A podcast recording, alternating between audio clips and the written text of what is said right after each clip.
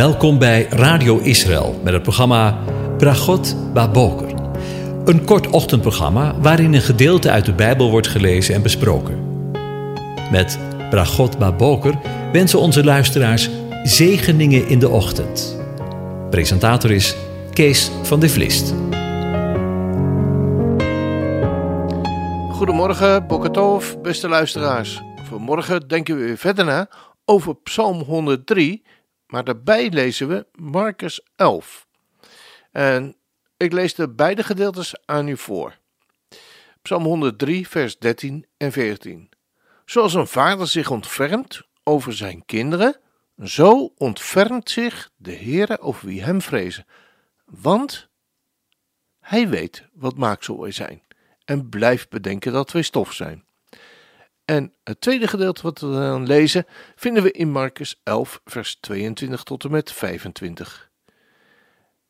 En Jezus antwoordde en zei tot hen: Heb geloof in God, want voorwaar, ik zeg u: wie tegen deze berg zal zeggen, wordt opgeheven en in de zee geworpen, en niet zal twijfelen in zijn hart, maar zal geloven wat hij zegt, gebeuren zal, het zal hem gebeuren wat hij zegt. Daarom zeg ik u: alles wat u bidden begeert, geloof dat u het ontvangen zult, en het zal u ten deel vallen. En wanneer u staat te bidden, vergeef, als u tegen iemand iets hebt, opdat ook uw Vader die in de hemelen is, u uw overtredingen vergeeft. We denken weer verder na over de vijgenboom, dus over de vijgenboom gesproken. Op het eerste gezicht lijkt dit misschien een vreemde gebeurtenis. Jezus loopt langs een vijgenboom, terwijl het niet de tijd van de vrucht is, en vervloekt de vijgenboom. Is dat niet onrechtvaardig? Heeft u ooit met deze vraag gelopen? Maar het blijkt in deze geschiedenis een geweldig evangelie schuil te gaan. De vijgenboom is in de Bijbel een beeld van Israël. Maar hoe kan deze vijgenboom eerst door de Heer worden vervloekt en daarna week worden en uitbotten? Als de Heer Jezus twee dagen voordat hij gekruisigd wordt langs de vijgenboom loopt, zoekt hij daaraan te vergeefs naar vruchten. Hij vervloekt de vijgenboom. De discipelen verwonderen zich erover dat dit onmiddellijk zijn uitwerking heeft. Het antwoord van de Heer is dat zijn discipelen door hun gelovige gebed zulke wonderen en zelfs nog grotere zullen kunnen verrichten. Er ligt echter nog een betekenis achter. De vijgenboom is een beeld van Israël. In Hosea 9, vers 10 lezen we immers: Ik vond Israël als druiven in de woestijn, als vroege vijgen aan de vijgenboom.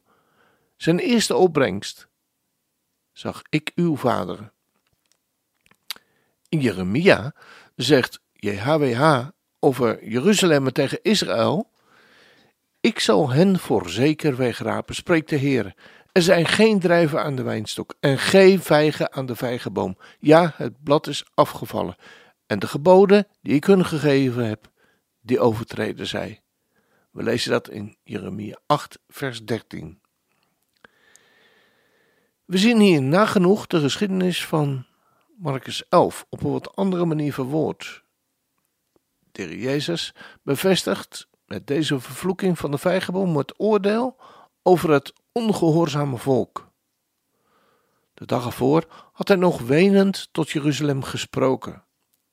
Hij zei: Och, dat u nog op deze dag zou onderkennen wat tot uw vrede dient. Nu echter is het verborgen voor uw ogen, want er zullen dagen over u komen dat uw vijanden een wal rondom u zullen opwerpen. U zullen omsingelen en u van alle kanten in nauw zullen brengen. Daarvan lezen we in Lucas 19, vers 42 en 43. Jezus, de zoon van David, Yeshua ben David, geboren uit de stam van Juda, is gekomen tot zijn volk. Hoewel Abraham, Isaac en Jacob ervoor gekozen om JHWH te dienen met heel hun hart, en Mozes dat volk als de gezant van God door de woestijn had geleid, heeft het volk toch niet gekozen om met heel hun hart hun God te dienen. Drieënhalf jaar was hij in het midden, getuigend van Gods ontfermende liefde en genade.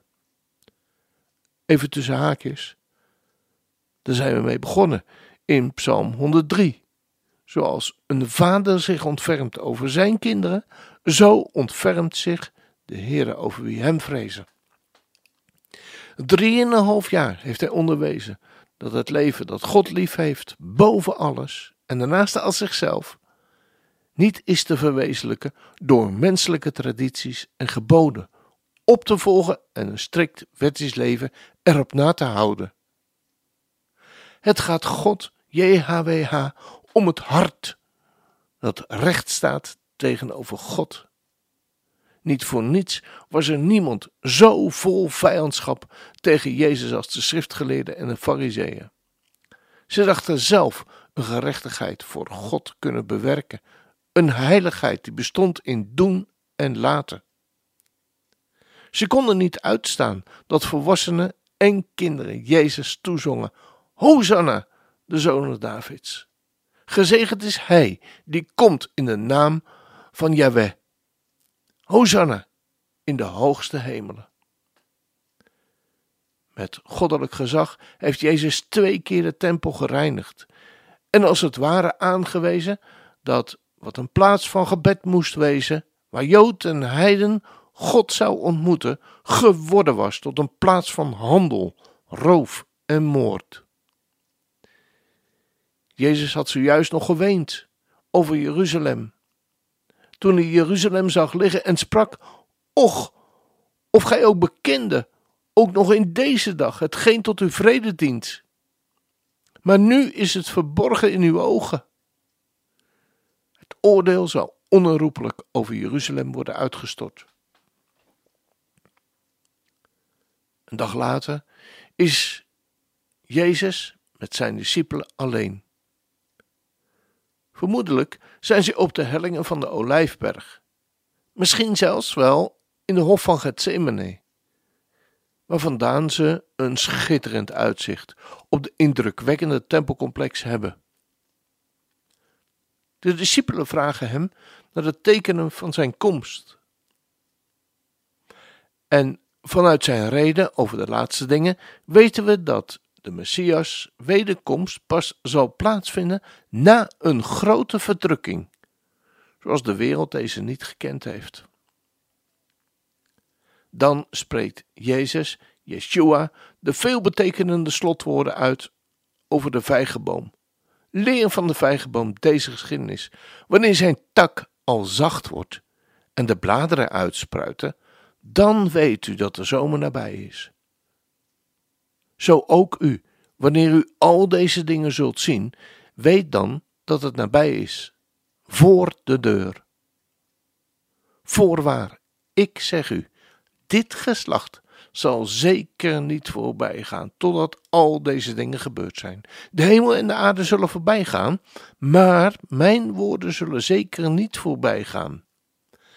Maar van die dag en die uren weet niemand, ook niet de engelen en de hemel, dan mijn Vader alleen. In eerste instantie zal de Heer Jezus bedoeld hebben te zeggen dat de mens geneigd is om de tekenen van de natuur wel te verstaan, maar niet de tekenen die hij in zijn woord heeft voorzegd. En de Fariseeën en de Sadduceeën kwamen naar hem toe om hem te verzoeken, en zij vroegen hem of hij een teken uit de hemel wilde laten zien. Maar hij antwoordde en zei tegen hen: Als het avond geworden is, zegt u: Mooi weer. Want de hemel is rood, en s'morgens vandaag storm, want de hemel is somberrood. Huigelaars. De aanblik van de lucht weet u wel te onderscheiden, en kunt u de tekenen van de tijden niet onderscheiden? Maar is het toeval dat hij voor dit voorbeeld nu juist een vijgenboom neemt. Juist de boom die een symbool van Israël is en die een dag eerder door hem vervloekt is? Nee, Jezus kiest zijn, woord heel, zijn woorden heel zorgvuldig. Niets is daarin toeval.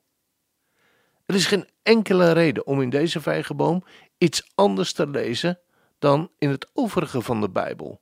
Deze uitbottende vijgenboom is een beeld van het herstel van Israël te midden van het geweld, van de grote verdrukking. Wanneer gij dit alles ziet, zal Israëls herstel plaatsvinden. Het volk dat belegerd wordt door de vijandige legers. Lees de krant maar eens op na. Hoe onder andere Iran steeds dreigende taal uitspreekt over de vernietiging van Israël, zal op de knieën gaan en roepen om haar Messias. In dat positieve weekworden van de wijgeboom herkennen we het weekworden van de Joodse harten. Zoals we dat ook lezen van koning Josia. Omdat uw hart week geworden is en u zich voor het aangezicht van de Heere vernederd hebt, toen u hoorde wat ik tegen u, deze plaats en de inwoners ervan gesproken heb, dat ze tot een verwoesting en een vervloeking zullen worden. En omdat u uw kleren gescheurd en voor mijn aangezicht gehuild hebt, daarom heb ik ook u verhoord, spreekt de Heere. We lezen daarvan in 2 Koningen 22 vers 9. De situatie is vergelijkbaar. Ook bij koning Joshua was Jeruzalem in de benauwdheid vanwege de gramschap des Heren. Een term die tevens gebruikt wordt voor de laatste oordelen van de grote verdrukking in de Openbaringen 16 vers 1. De Heere stond op het punt om Jeruzalem te straffen. Het hart van de koning werd echter week. Hij verootmoedigde zich. Nog eenmaal zal het hart van veel Israëlieten week worden als de legers van de wereld Israël zullen aanvallen en Jeruzalem zullen plunderen. Ze zullen roepen tot hun Messias, de Heer Jezus. Dan zal hij komen om uit de vijanden, uit de handen van hun vijanden te redden. En alzo zal geheel Israël zalig worden. Als dat geen zegen is. In een volgende aflevering hopen we hier weer verder over na te denken.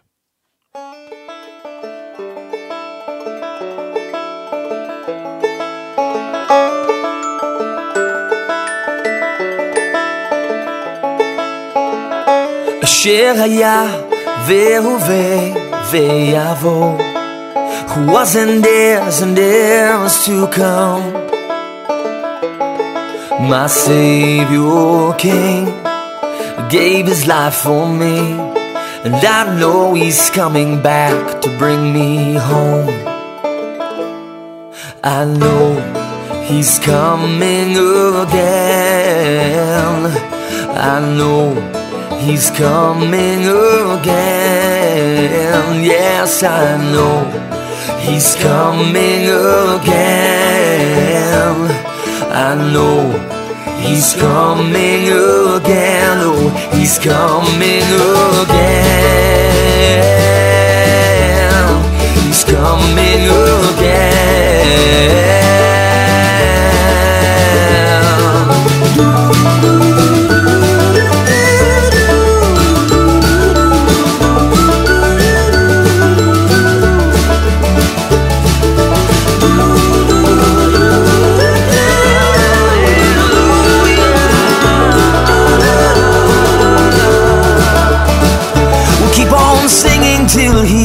Comes again, then we'll sing some more. We'll keep on singing till he comes again, until we reach the golden shores. We'll keep on singing till he comes again, then we'll sing some more. We'll keep on singing till he comes again. Then we'll sing forevermore. Yes, we'll know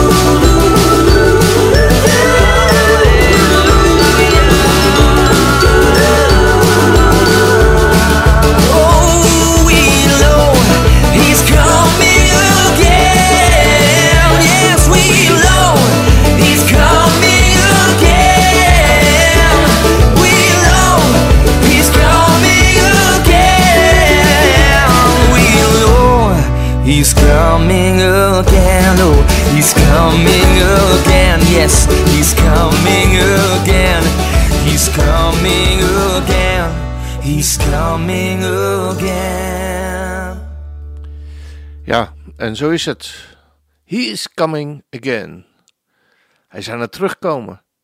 Als dat geen ontzettende zegen is, waar we elke dag naar uit mogen kijken.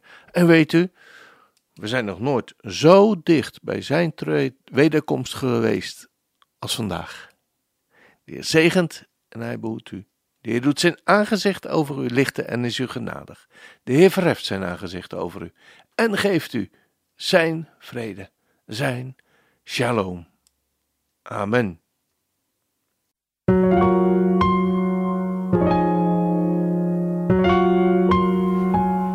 U hebt geluisterd naar het programma Bragot Baboker. Een kort ochtendprogramma waarin een gedeelte uit de Bijbel wordt gelezen en besproken. Wilt u het programma nog eens naluisteren, dan kan dat. Ga naar radioisrael.nl en klik onder het kopje radio op Uitzending gemist.